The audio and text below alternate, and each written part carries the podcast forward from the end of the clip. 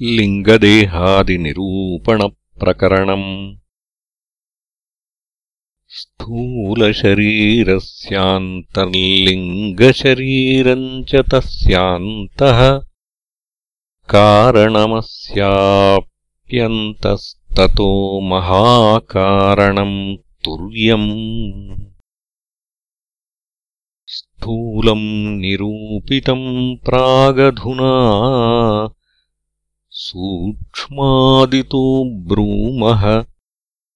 अङ्गुष्ठमात्रः पुरुषः श्रुतिरिति यत्प्राह तत्सूक्ष्मम्।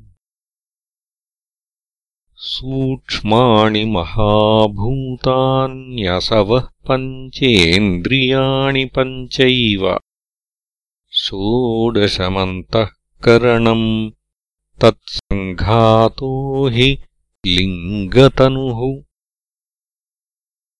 तत्कारणम् स्मृतम् यत्तस्यान्तर्वासनाजालम् तस्य प्रवृत्तिहेतुर्बुद्ध्याश्रयमत्र तुर्यम् स्यात्। तत्सारभूतबुद्धो यत्प्रतिफलितम् तु शुद्धचैतन्यम्।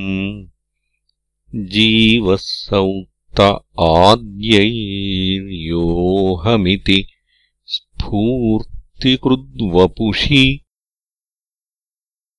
चरतरतरङ्गसङ्गात्प्रतिबिम्बम् भास्करस्य च चलम् स्यात् अस्ति तथा चञ्चलता चैतन्ये चित्तचाञ्चल्यात् नन्वर्कप्रतिबिम्बः सलिलादिषु यः स चावभासयति किमितरपदार्थनिवहम् प्रतिबिम्बोऽप्यात्मनस्तद्वत् प्रतिफलितम् यत्तेजः सवितुः कांस्यादिपात्रेषु तदनुप्रविष्टमन्तर्गृहमन्यार्थान् प्रकाशयति।